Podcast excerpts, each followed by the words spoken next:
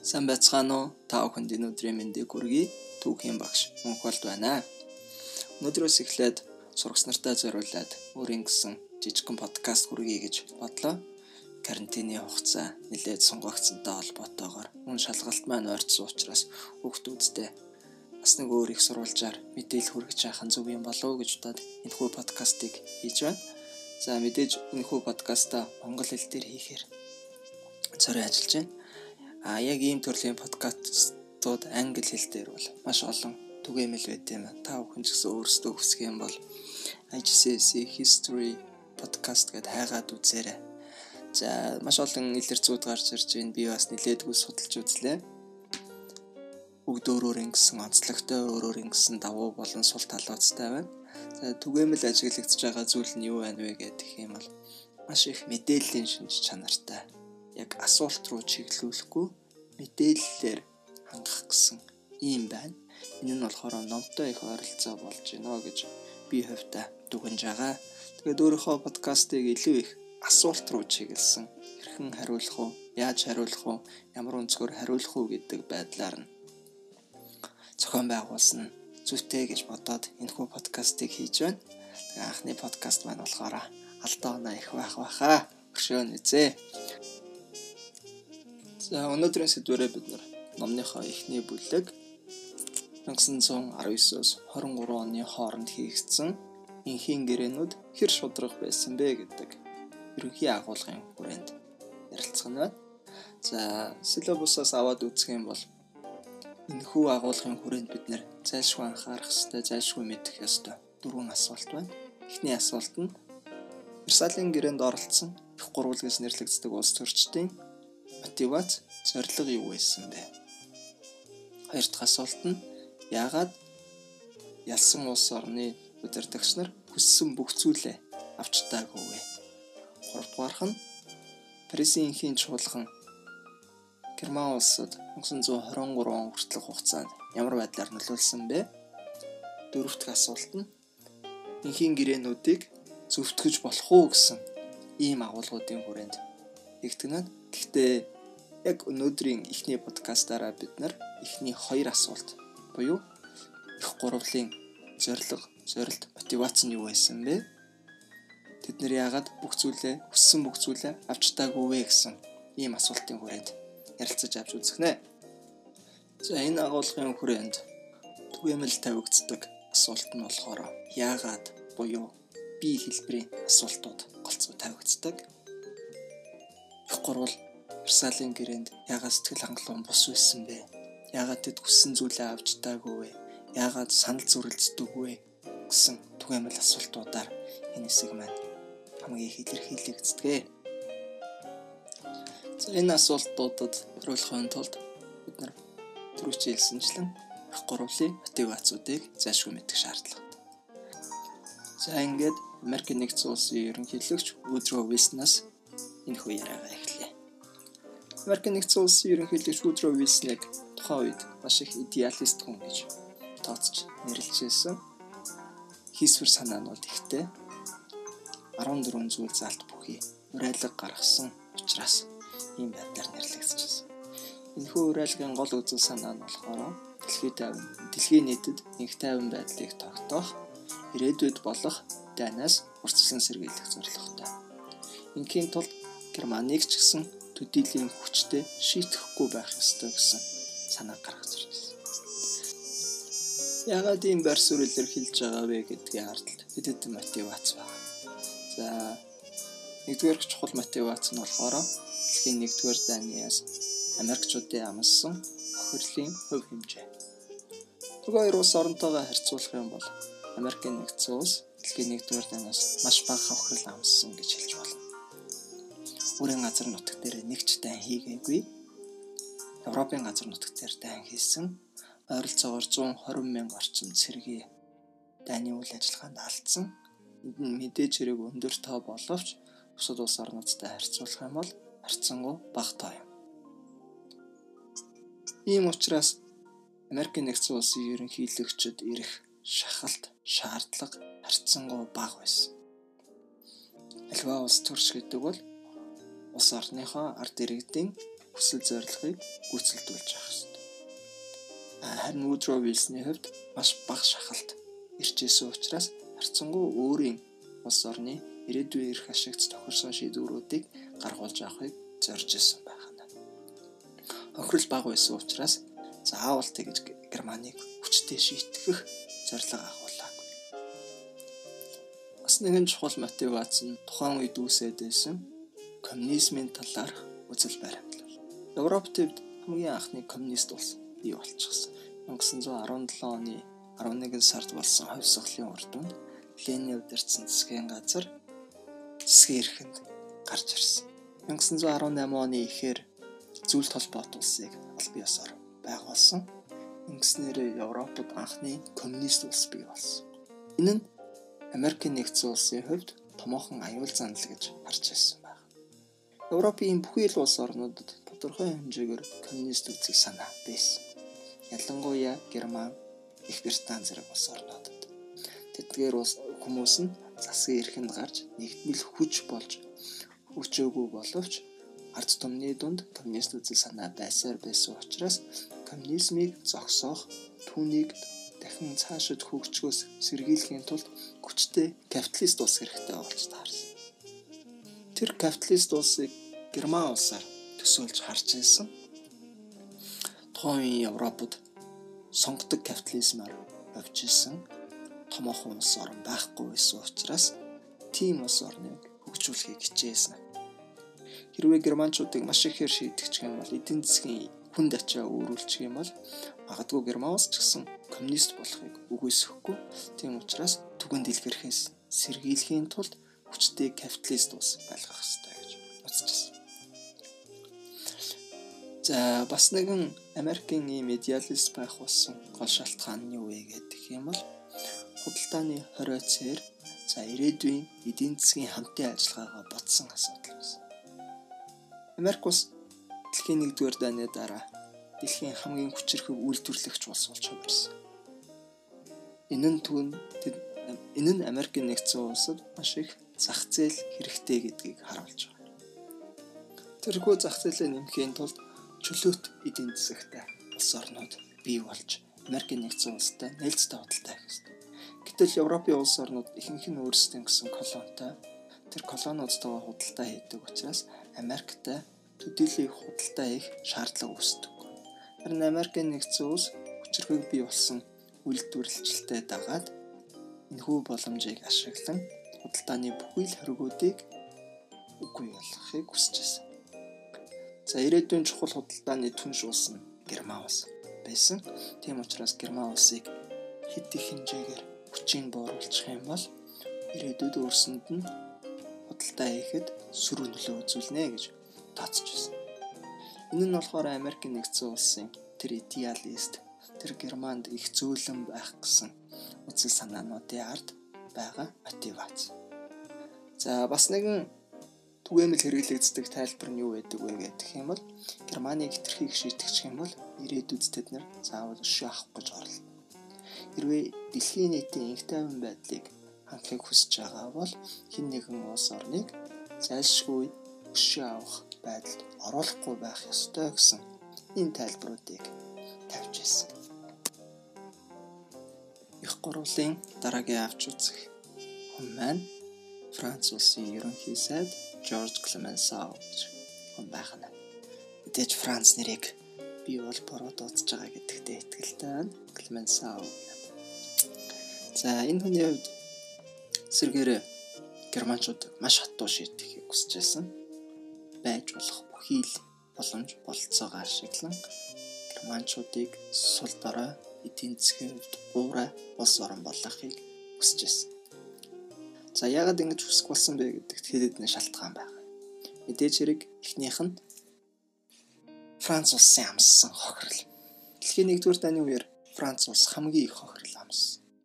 За баруун фронтод болсон бараг бүхий л дайн тулаанууд Франц улсын газар нутгаар болсон. Харилцаагаар 1.5 сая иргэнээ алдсан. Эдгээрийн ихэнх нь хөдөлмөрийн насны ирээдүйд ажиллаж бүтээж, баялаг бүтээх салуу хүмүүс байсан. За мөн газар нутгаа дайны талбар болгосноор уул уурхаан салбарт уурхаанууд нь дэлбэрсэн суйдсан за үйлдвэрүүд нь сүнсэн газар тариалан эрхлэхэд тааламжтай газар нутгууд нь суйдсан зэрэг маш олон охирол байсан учраас Францын ард түмэн германчуудыг маш ихээр шийтгэхийг хүсэжсэн. Энэ бүхэндээ тохирсон өхөн төлбөр авахыг хүсэжсэн. За үүнээс гадна түүхэн хөшөө авалт гэж хэлж болох үс. Бас нэг хүчин зүйл байгаа. Тэрний үе гэдэг юм бол 1871 онд Герман улс Франц улстай бас л дайн хийжсэн. Дэлхийн 1-р дайн болохоос 40 жилийн өмнө шинээр байгуулагдсан Герман улс хөрш Франц улстайгаа дайнд орсон. Энэхүү дайнд Франц улс ялагдсанаар Алсас хоёр мужаа Герман улсад хүлээлгээр өгсөн. 40 жилийн хугацаанд хоёр дайн хийчихсэн. Хоёр дахь дайнд мөн л адил бараг л ялагдах төгсөн. Хэрвээ холбоотнууд сайн туслаа. Тийм учраас өшөө авах. За ирээдүйд Франц улс руу дайрахгүй байх бүхэл боломжийг бий болгохыг хичээжсэн. Ингийн тулд эдийн засгийн хувьд, цэргийн хувьд Германыг сул дараа болгох хэрэгтэй. За дээрэс нь Клеменсауд дээрх хоёр шалтгааны улмаас маш их дарамт иржсэн. Хэрвээ Клеменсау ард иргэдийнхээ хүсэлт шахалтыг хүлээж авахгүй бол дараагийн төрийн сонгуульд ялт байгуулах намаа цаашид сонгуульд ялт байгуулахад боломжгүй болох байсан учраас маш их шахалт иржсэн. Ийм ч учраас германчуудыг хамгийн их шийтгэхийг хүсэж байсан улс бол Франц байсан. За харин энэ хоёр улсын төвийг сагсан бодлогыг баримталж байсан улс бол Их Британи байсан. За Их Британи улсын ерөнхий сайд Дэвид Ллойд Жорж гэж хүн Парисын эхийн чуулганд Британийг тулгуурлаж оролцсон. Британы ийм байр суурьтай байх гол шалтгаануудын нэг нь эдгээр ширэг охирлын хэмжээ. Британи улс өөрийнхөө газар нутагтаар дайн хийгээгүй. За Францтай харьцуулах юм бол харьцангуй бага охирол амссан. А харин Америкчуудтай харьцуулах юм бол их охирол амссан. Британчууд бол Германыг шийтгэхийг маш ихээр хүсэж байсан. Лимон шиг л шахаад үг гэдэг байдлаар ус төрчдөө шахалт үзүүлж байсан. За гэсэдий боловч Германыг бас төдийлийг хүчтэй шийтгэхгүй байх хэд хэдэн шалтгаан байсан. Нэгдүгээр шалтгаан нь юу вэ гэдэг юм бол ирээдүйн худалдааны түнш болсон. За Британи улс ихэнх колониудаа зармын ард чөлөөт улс болгоно гэж амласан байсан.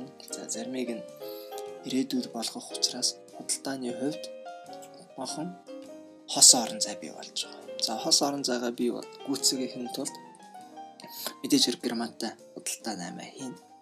Герман улс дэлхийн 1-р дайнаас өмнө Европын төмөр үйлдвэрлэлээр хамгийн өндөр улс байсан. Тийм учраас ажилж үрцэн бүхий л улс орнууд Германтай худалдаа хийх нь зайлшгүй зүйл.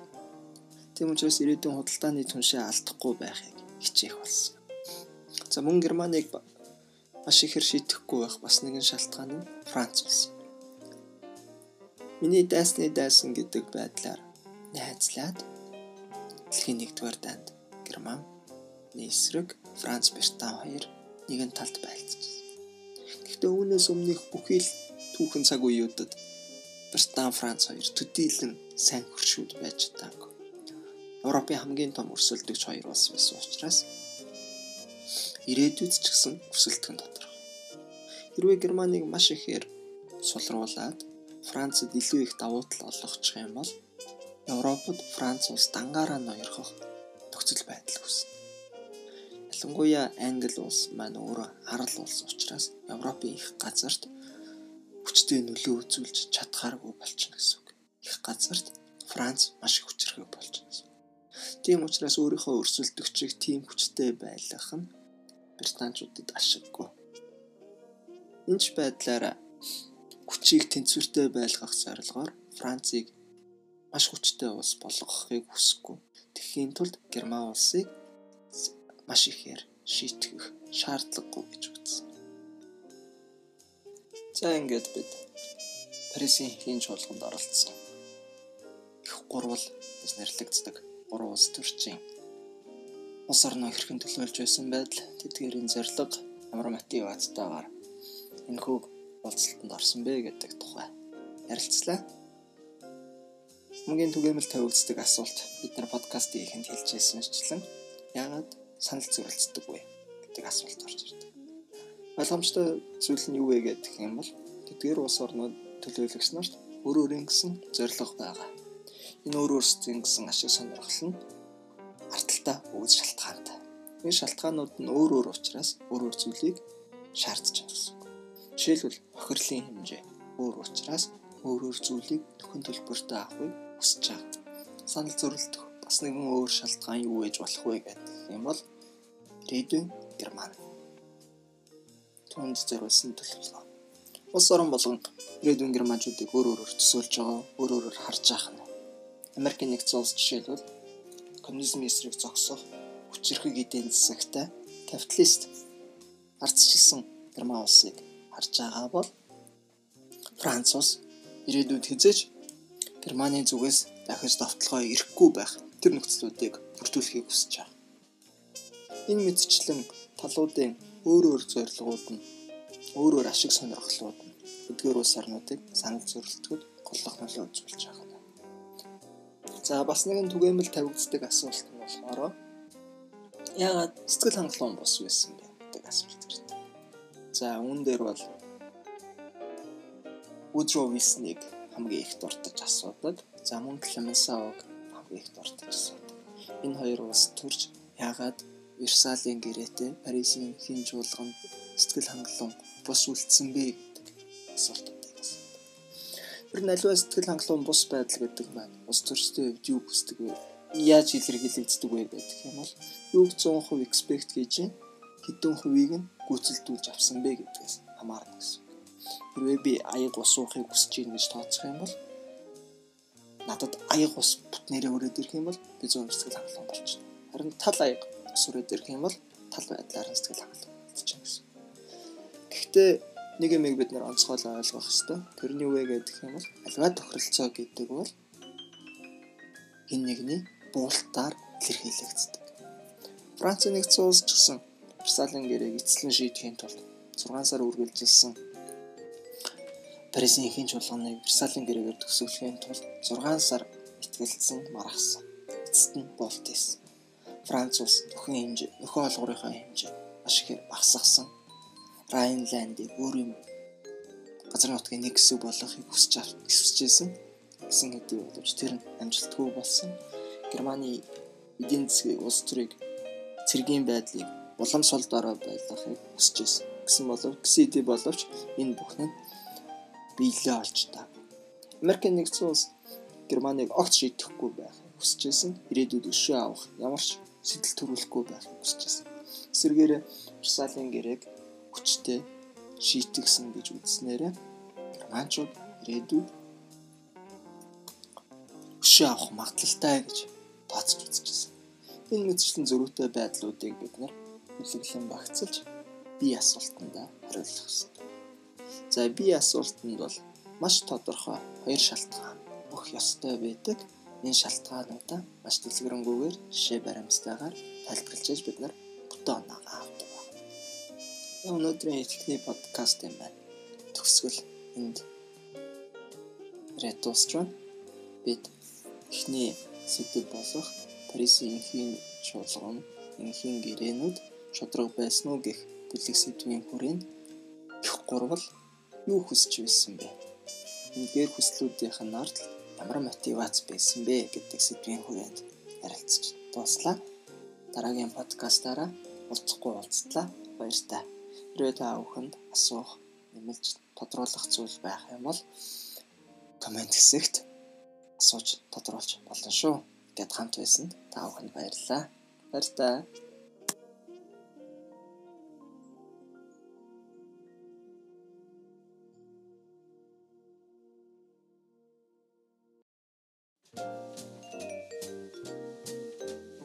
Сайн байна уу? Түүхийн багш болд байна. Та бүхэнд энэ өдрийн мэндийг хүргэе. Өнөөдөр би та бүхэндээ зориулсан хоёр дахь подкаста оруулж байна. Түрүүчийн подкастаараа бид нар Парисын энхийн чуулган гэсэн ерөнхий сэдвийн хүрээнд. За тэр дундаа их гурвлын мотивац зорилго юу байсан бэ тухай ярилцсан. А харин энэ удаа бид нар болохоор Версалийн гэрээний Германд үзүүлсэн нөлөөлөл гэдэг сэдвийн хүрээнд ярилцах болно. 1918 оны төгсгөлөөс тодруулж хэлэх юм бол 11 сараас хуралдаж эхэлсэн Парисын энхийн чуулган 1919 оны 6 сар гэхэд эцэслэн шийдвэрээ гаргаж Версалийн гэрээг бий болгосон байдаг. За энэ хүү гэрээ нь болохоор дотроо үндсэн дөрвөн бүлэгтэй Германы газар нутгийг эрхэн зохион байгуулах уу? Эдийн засгийн ямар торгуул ногдуулах уу? Цэрэг дайны үйл ажиллагаатай холбоотой ямар зохицуултуудыг хийх вэ? Мөн дайны буруутнуудыг хэрхэн яаж тодорхойлох вэ гэсэн ийм үндсэн дөрвөн бүлгээс бүрддэг байна. Версалийн гэрээ Герман улсад 1919-с 23 оны хооронд ямар нөлөө үзүүлсэн бэ гэдэг маань өнөөдрийн бидний гол ярилцах сэдв байх нь байна. За энэ сэдвтэй холбоотой асуултууд байна ихэвчлэн why хэлбэрээр орж ирдэг. Why буюу яагаад гэсэн асуулт. За IGCS-ийн шалгалтын paper 1-ийн B хувилбарын асуултууд гэсэн. Германчууд яагаад Версалийн гэрээг сэргүүцэжсэн бэ? Яагаад сэтгэл дундуур байсан бэ? гэдэг зорилгоор асуугддаг. За үүнд бид нар маш сайн тайлбаруудыг өгч явах хэрэгтэй. Сурагчдын маань гаргадаг түгээмэл алдаа гэх юм бол зүйл заалтуудыг нэг бүрчл тооцох гээд байдаг. Эсвэргээрээ хүүхдүүд маань сурагч нар маань энэ асуултанд хариулахдаа ямар сул талуудыг бий болгосон.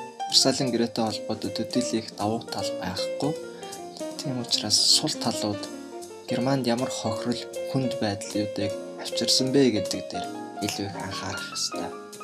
За ингээд эхний асуултынхаа дараа дагуу хэдүүлээ ярилцъя. Эхний асуулт маань Версалийн гэрээ 1923 хүртэлх хугацаанд ямар нөлөө үзүүлсэн бэ гэдэг асуулт. За энэ хэсгийг би бол үндсэндээ хоёр хувааж тайлбарлахыг хүсэж байна. Эхнийх нь эдийн засгийн байр. Версалийн гэрээ маань Герман улсыг дэлхийн 1-р данд учруулсан хохирлынх нь үнэлж тооцож үзээд тухайн үеийн байдлаар ойролцоогоор 6 тэрбум паундаар Их Британий мөнгөнд дэвсгэрт паундаар торгосон байдаг. 2020 оны байдлаар эдийн засгийн байдлаар аваад үзэх юм бол энэ ойролцоогоор 450 сая Америк доллартай тэнцвэц хэмжээний мөнгөнд За энэ мөнгөнд өнгө 42 жилийн хугацаанд төлөх ёстой. За энэ нь бол тухайн үеийн Германы эдийн засгийн хувьд бараг л боломжгүй шахуу зүйл байсан. Ягаад боломжгүй гэж тооцож байгаа юм бэ гэх юм бол Версалийн гэрээний бусад зүйл залтууд Германы энэ хэмжээний мөнгөнд өнгө төлөх боломжийг боогдуулж өгсөн. Жишээлбэл Герман улс дэлхийн 1-р дайнаас өмнө эзэмшиж байсан бүхий л колониудаа алдсан.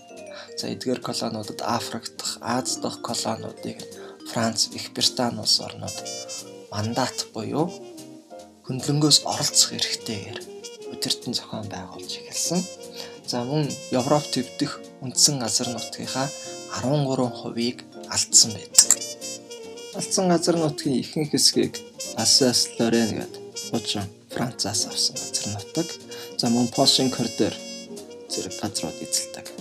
Асаслаар нэг Франц улсад буцаан өгсөн. Польшийн коридорыг шинээр эмгэлэн зохион байгуулагдсан Польш улсад өгсөн. Хүнээс гадна өөр зарим жижиг бүс нутгуудыг Бэлэг, Чехословак зэрэг улс орнууд мөн League of Nations-ийн удирдлаганд зарим хотуудыг шилжүүлээ өгсөн байдаг. Энэ бүс нутгуудад Германы хамгийн их төмрийн хөдөр нүүрс зэрэг уурхай байрладаг бүс нутгууд байсан. Ингэснээрээ уул уурхайн орлого багхгүй болоод тэгэхээр түрүүчийн хэлжсэн дайны нөхөн төлбөр буюу reparation-ыг төлөхөд хүндрэлт учраж ирсэн. За бас нэгэн хүндрэл учруулах гол нөхцлүүд нь юу вэ гэдэг юм бол цэргийн хориглолт. Германы цэргийг хязгаарлах маш олон зүйл заалтууд Версалийн гэрээнд тусгагдж өгсөн байдаг. Жишээлбэл 100 мянган цэрэгтэй байх ёстой. 100 мянган цэрэг бүгд волонтер буюу сайн дурын цэргүүдээс бүрдэх ёстой. Цэрэг татлах буюу conscription гэж англи дээр нэрлэгддэг. Цэрэг татлагыг хоригдсан 6 ширхэг battleship буюу дайны хөлөг онгоцоос өөрөөр усан шум богч онгоц, агаарын онгоц, хүнд машин механизм, артиллерүүдийг бүрэн хориглосон байх нь. Энэ бүх хориглолтууд нь тухайн тоног төхөөрөмжүүдийг үйлдвэрлэдэг үйлдвэрүүдийн хувьд дампуурал гэж ойлгогдож болох юм. Даны зэр зэвсгийн үйлдвэрлэл эрхэлдэг. Эдгээр үйлдвэрүүд хаагдсанаар ажилгүйчүүдийн тоо улам нэх нэмэгдэх нөхцөл байдал бий болсон. За мөн цэргүүдийг багасгаснаар мөн л ажилгүйчүүдийн тоо нэмэгдэх болсон. Жишээлбэл Герман улсын арим дайны өмнө ойролцоогоор 500 мянган цэрэгтэй байсан гэж үзэх юм бол дайны дараа 100 мянган цэрэгтэй болсон. Ингэснээр 400 мянган хуучин цэрэг гэж тооцогддог байсан албан тушаалтай хүмүүс одоо ажилгүйчүүдийг нэ шилжиж байх нь. Үйлдвэрүүд хаагдаж ажилгүйчүүдийн тоо нэмэгдснээр Герман улс эдийн засгийн хувьд улмал хүнд байдалд ороод дайны нөхөн талбараа заасан хугацаанд төлөх боломжгүй болж ирсэн. Ингээд 1921 онд дайны нөхөн төлбөрөө төлж чадахгүй байдалд хүрсэн.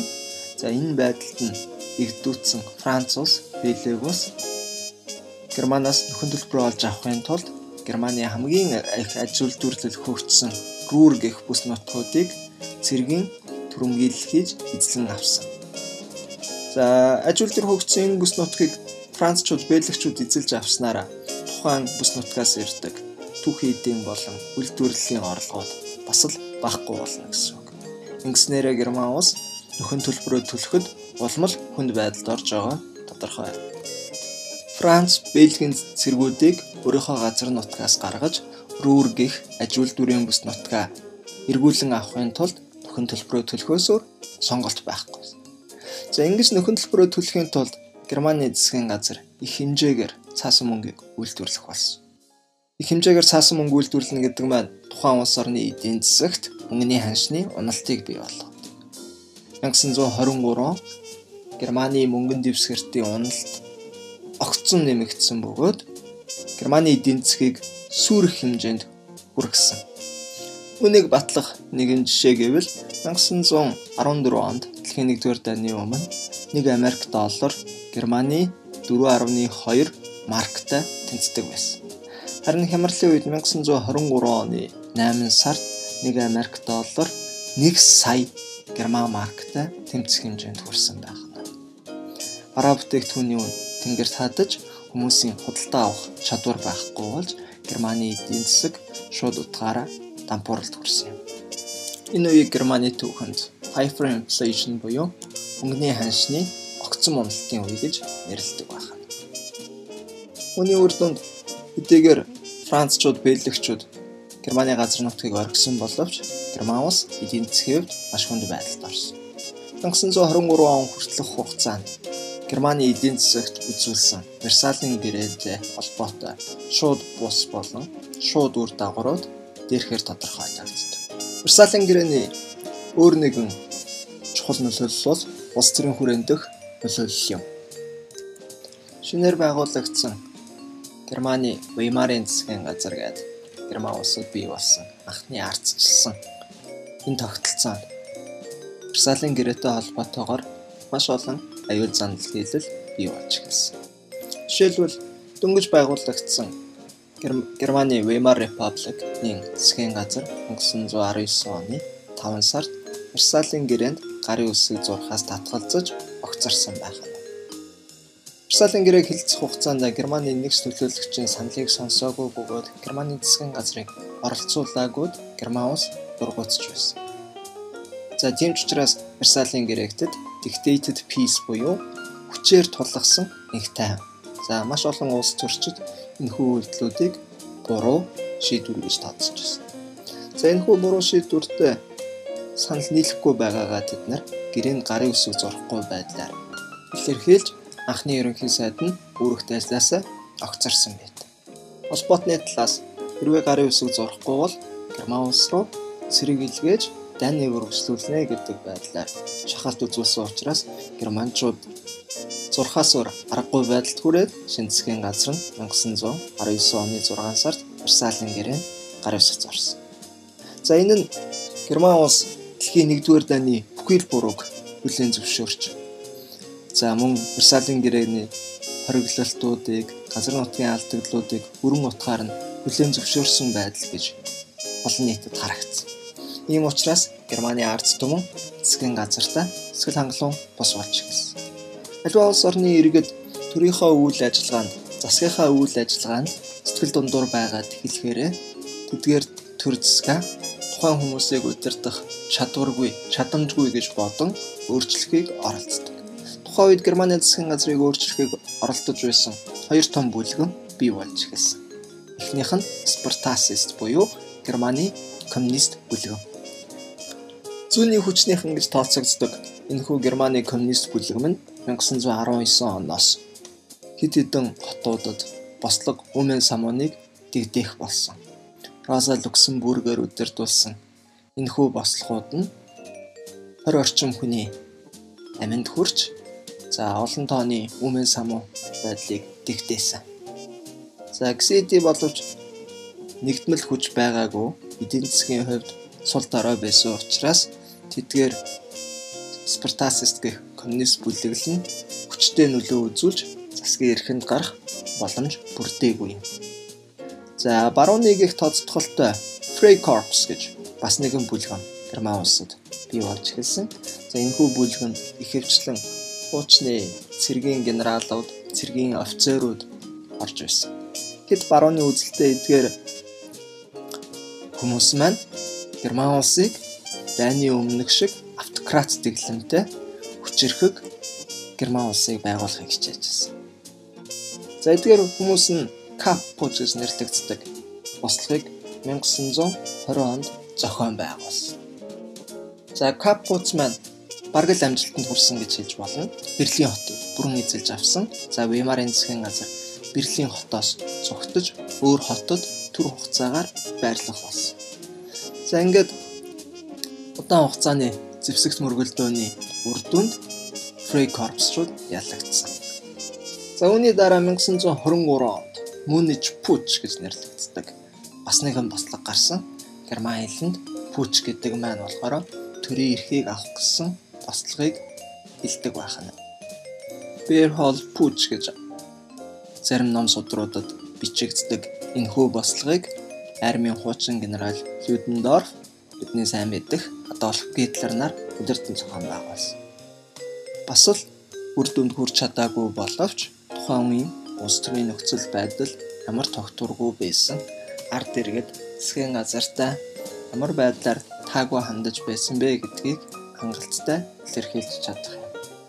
Энэ байдлаараа Германы улс төрийн тавцанд маш их хэмжээний тогтворгүй байдал бий болсон нь үнэн л адил Версалийн гэрээний Герман улсад үзүүлсэн нөлөөлөл юм.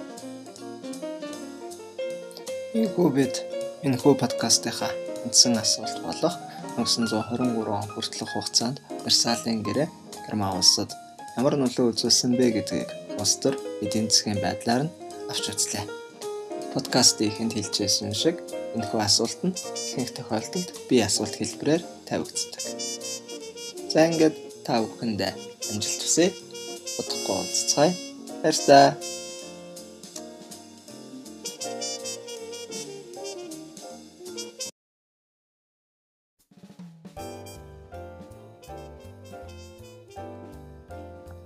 Сайн байцгаана уу? Та бүхэнд өнөөдрийн мэндийг хүргэе. За миний дараагийн подкаст болохоор Версалийн гэрээний үнэлгээ дүгнэлт гэсэн ийм подкаст байх нь байна. За үндсэн асуулт маань болохоор Версалийн гэрээг тухайн үед нь хэрийг зөвтгөж болох вэ гэдэг асуулт байна.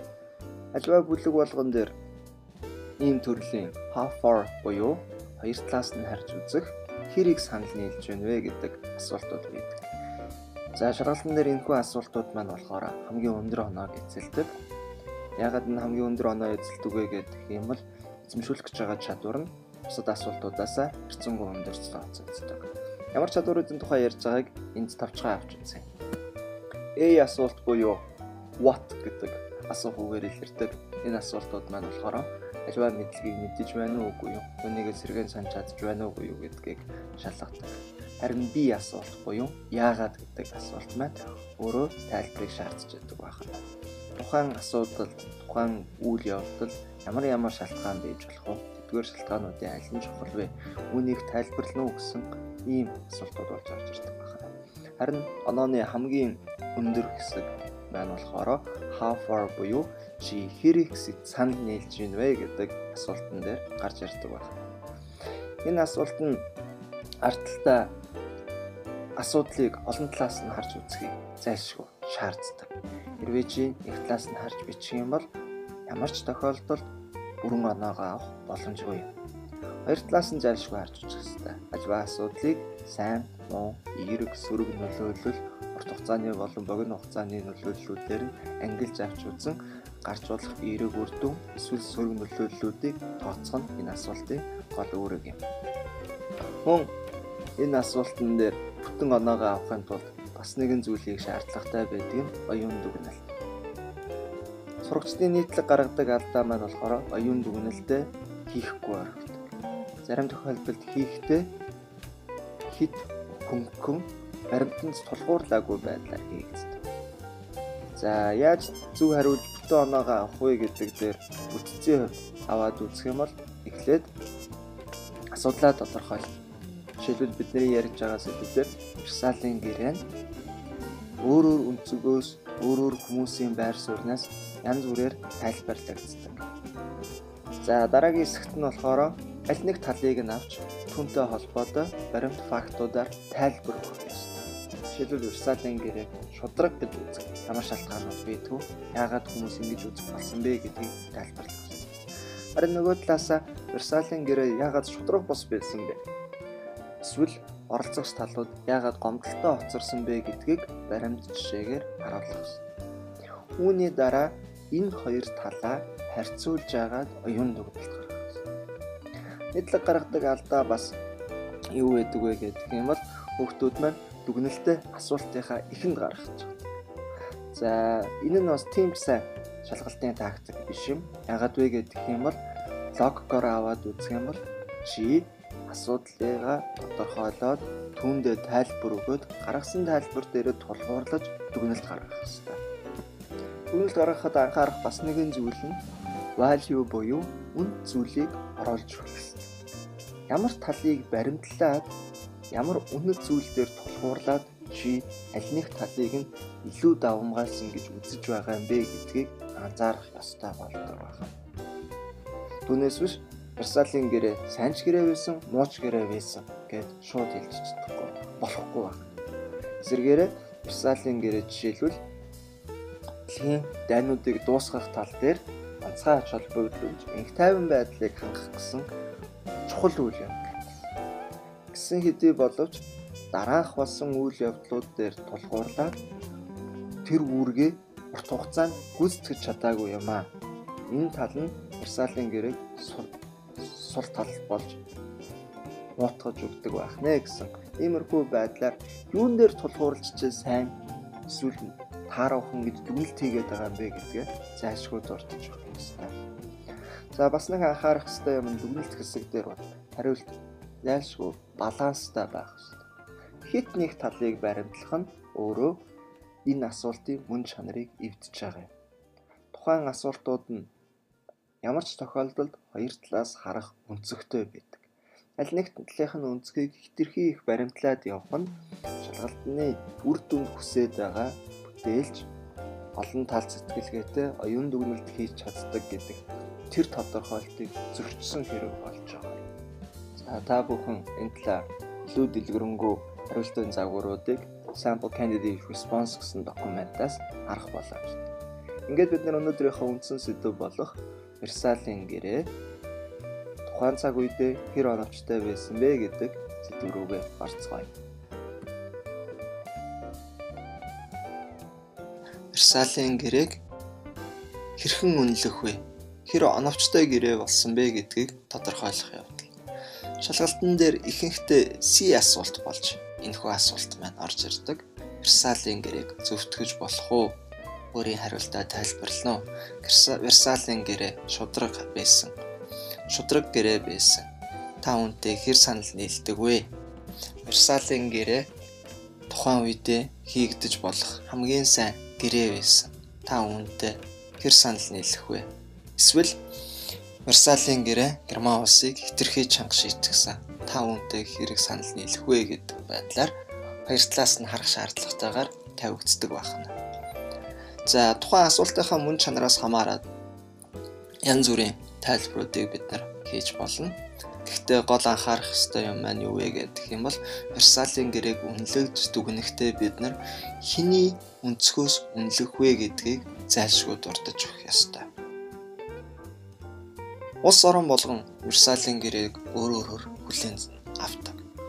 Жишээлбэл Герман улс Версалийн гэрээг зөвхөн Германыг шийтгэх гэсэн оролдлого гэж хардаг. Энэ ч утгаараа Версалийн гэрээг тэд нар хамгийн таагүй гэрээнүүдийн тоонд авч үздэг. Германчуудын хүү Версалийн гэрээн шүүгч гэрээг шүүмжлэх хэд хэдэн шалтгаануудыг гаргаж ирсэн. Нэгдүгээр Версалийн гэрээн дэлхийн 1-р дайны бүхий л бурууг зөвхөн ялагдсан улс орнуудад тогсон. Мэдээж хэрэг Герман улс гол буруутнуудын нэг нь үнэ.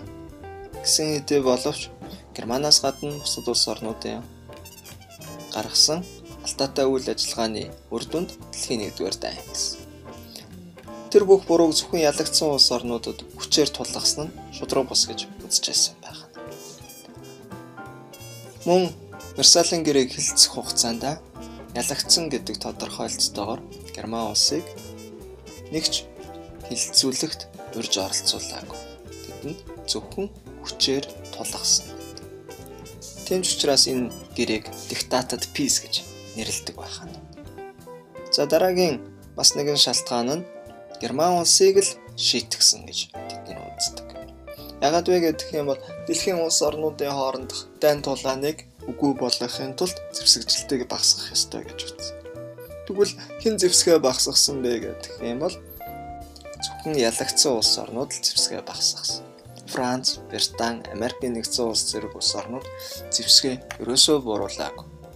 Мөн дэлхийн 1-р дайны гол шалтгаан болох колонизашн буюу колончлох бодлого хിവэр хадгалагдаж эхэлсэн.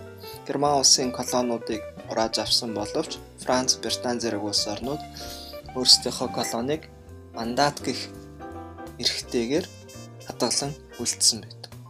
Энэ нь германчуудын хувьд дэлхийн 1-р дайнд зөвхөн Германыг буруутгаж тэдгээрээс өшөөгөө авах гэсэн зорилготой инхийн гэрээ байж чадаагүй гэдэг тайлбарыг гаргадаг. Бас нэг зүйл нь германчууд өөрсдөө дэлхийн 1-р дайнд 100% ялагдсан гэж үздэггүй. 1918 оны 11 сард германчууд гал зогсоох гэрээнд гарын үсэг сурсан болохоос биш ялагдлын гэрээнд гарын үсэг зураагүй гэж үздэг. Дэлхийн 2 дугаар дайнаас ялгаатай нь Герман улс өөрийнхөө газар нутаг руу холбоотны цэргүүдийг оруулж бүрэн эзлэгдэж аваагүй учраас тэд өөрсдөө санаачлагаараа шин засгийн газар байгуулж түүгээрээ дамжуулан дайныг зогсоосон. Хучин Кайсерийн засгийн газрын хийсэн бүхий л гэм бурууг Герман улсад үе үеэр нь тохон ногдуулах нь шудраг бус гэж үзчихсэн байна. Харин Францчуудын хувьд аваад үзэх юм бол Версалийн гэрээ бас л адил дутагдaltaй талууд байсан. Германыг хангалттай шийтгэж чадаагүй. Хангалттай хэмжээнд бутаргаж жижиг улс болгож чадаагүй гэж үздэг. 1925 оноос хойш эхэлсэн Америк эдийн засгийн дэмжлэгтэйгээр Герман улс эдийн засгийн хувьд маш богино хугацаанд сэргэж эхэлсэн. 1925 он гэхэд Герман улсын төмрийн үйлдвэрлэл тэргүүлэх улс орнуудын тоонд орж хөгжиж чадсан. Энэ нь юг харуулж байна вэ гэх юм бол Герман улсыг хангалттай шийтгээгүй гэж үздэг. Дэлхийн 2 дугаар дайн ч гэсэн үнийг батлах бас нэгэн баримт. Герман улс дэлхийн 2 дугаар дайныг эхлүүлсэн бөгөөд Франц улс руу дахин довтолж бүрэн эзэлж авсан нь тэдгэрийг хэр хүчрхэг үлдсэн бэ гэдгийг харуулж байгаа юм. Тийм учраас Францын ирээдүйн аюулгүй байдлыг Версалийн гэрээ бүрэн хангаж чадаагүй гэдэг утгаараа Францчуудын гэрээг бас л учиртай гэж шүүмжилдэг байхад. Харин Америкийн нэгдсэн улсын хувьд өөрийнх нь хүссэн их тайвны гэрээ болж чадаагүй гэж үздэг. Учир нь германчуудыг хитрхийг шийтгснээр ирээдүйд дахин дан гарах магадлалыг бий болгосон гэж үздэг. Эдгээр шалтгаанууд нь Версалийн гэрээг шудраг бус, оновчгүй, ухаалаг бус шийдвэр байсан гэдгийг батлах үндсэн баримтууд болж үлдсэн байна. Харин Версалийн гэрээг зөвтгдөг олон тооны судлаач нар бий. Тэр судлаач нар юу гэж үздэг вэ гэх юм бол Брест-Литовскийн гэрээтэй харьцуулан дугналт гэдэг. Брест-Литовскийн гэрээ гэдэг нь 1918 оны 2 сард зүйл толгойд улс Герман улсын хооронд хийгдсэн гэрээ. Дотоодын дайн самуунтай, иргэний дайнтай байсан Оросын холбоо, Орос зүйл толгойд улс маань дэлхийн 1-р дайнаас гарахын тулд бүхий л боломжоо ашиглаж Германтай инхийн гэрээ хийсэн. Энэхүү гэрээний дагуу Орос улс өөрийн газар нутгийн нийт 25%-ийг Герман улсад шилжүүлэн өгсөн бөгөөд энэ нь газар тариалан эрхлэхэд хамгийн тохиромжтой хамгийн үржил шимтэй газар байснаас гадна үйлдвэрлэл уул уурхайн томоохон бүс нутгуудаа Герман улсад өгсөн. Мөн дээрээс нь ойролцоогоор 5 тэрбум паундтай тэнцвэр хэмжээний дайны нөхөн төлбөрийг Германд амласан байсан. Энэ гэрээтэй харьцуулах юм бол Версалийн гэрээ хамаагүй зөөлөн гэрээ байсан гэж судлаач нар үздэг. За мөн дэлхийн 2 дугаар дайн болох нөхцөл байдлыг Версалийн гэрээтэй холбож тайлбарлах нь утгагүй зүйл. Дэлхийн 2 дугаар дайн бол өөрийн гэсэн өөр үйл явдлуудаар нөхцөл дүн бүрэлдсэн. Ялангуяа 1929 оноос хойш эхэлсэн эдийн засгийн их хямрал голлох нөлөө үзүүлсэн гэж үздэг байна. Ер нь түүхэнд ялагдсан улс орон шийтгэл хүлээж бусад улс орондоо газар нутаг мөнгөн нөхөн төлбөр олгох нь түгээмэл бөгөөд энэ нь Европод анх удаа хийгдээгүй. Тэмч учраас Герман улс зүй ёсны шийтгэлээ хүлээсэн гэдэг тайлбарууд байдаг. Зүй ёсны шийтгэл гэдэг тухайн эрдэмтэд дараах баримтуудаар баталдаг. Нэгдүгээрт нь Герман улс 1904 он гэхэд Schlieffen Plan гэх дайны төлөвлөгөөг боловсруулчихсан байсан. Дайн хийхийг хүсэжсэн, дайныг төлөвлөжсэн гэдэг утгаараа гол буруутан гэдэг нь зайлшгүй хэрэг. Мөн тухайн үед мөрдөгдөжсэн олон улсын конвенцүүдийг зөрчсөн байдаг. Жишээлбэл Бэлэг улс нь цэрэггүй төвийг сахисан улс гэдгээ 1871 онд зарласан. Гэтэл үүнийг нь үл үл ошоо Бэлэг улс руу цэрэг илгээсэн нь энэ шийтгэлүүдийг амсах хангалттай шалтгаан гэж үздэг байна. Тухайн үеийн дайн тулааны түүхүүдэд хамгийн том гэж хэлэгдэх хамгийн хохирол учруулсан 4 жил үргэлжилсэн энэхүү том хэмжээний дайн тулааныг эхлүүлсэн учраас ийм хэмжээний шийтгэл амсах нь зүйн хэрэг гэж тайлбарладаг. За энд хүрээд бидний бүлэг 1 дуусч байна. Бидний эхний бүлэг маань Версалийн гэрээ түүнтэй холбоотой асуудлууд байлаа.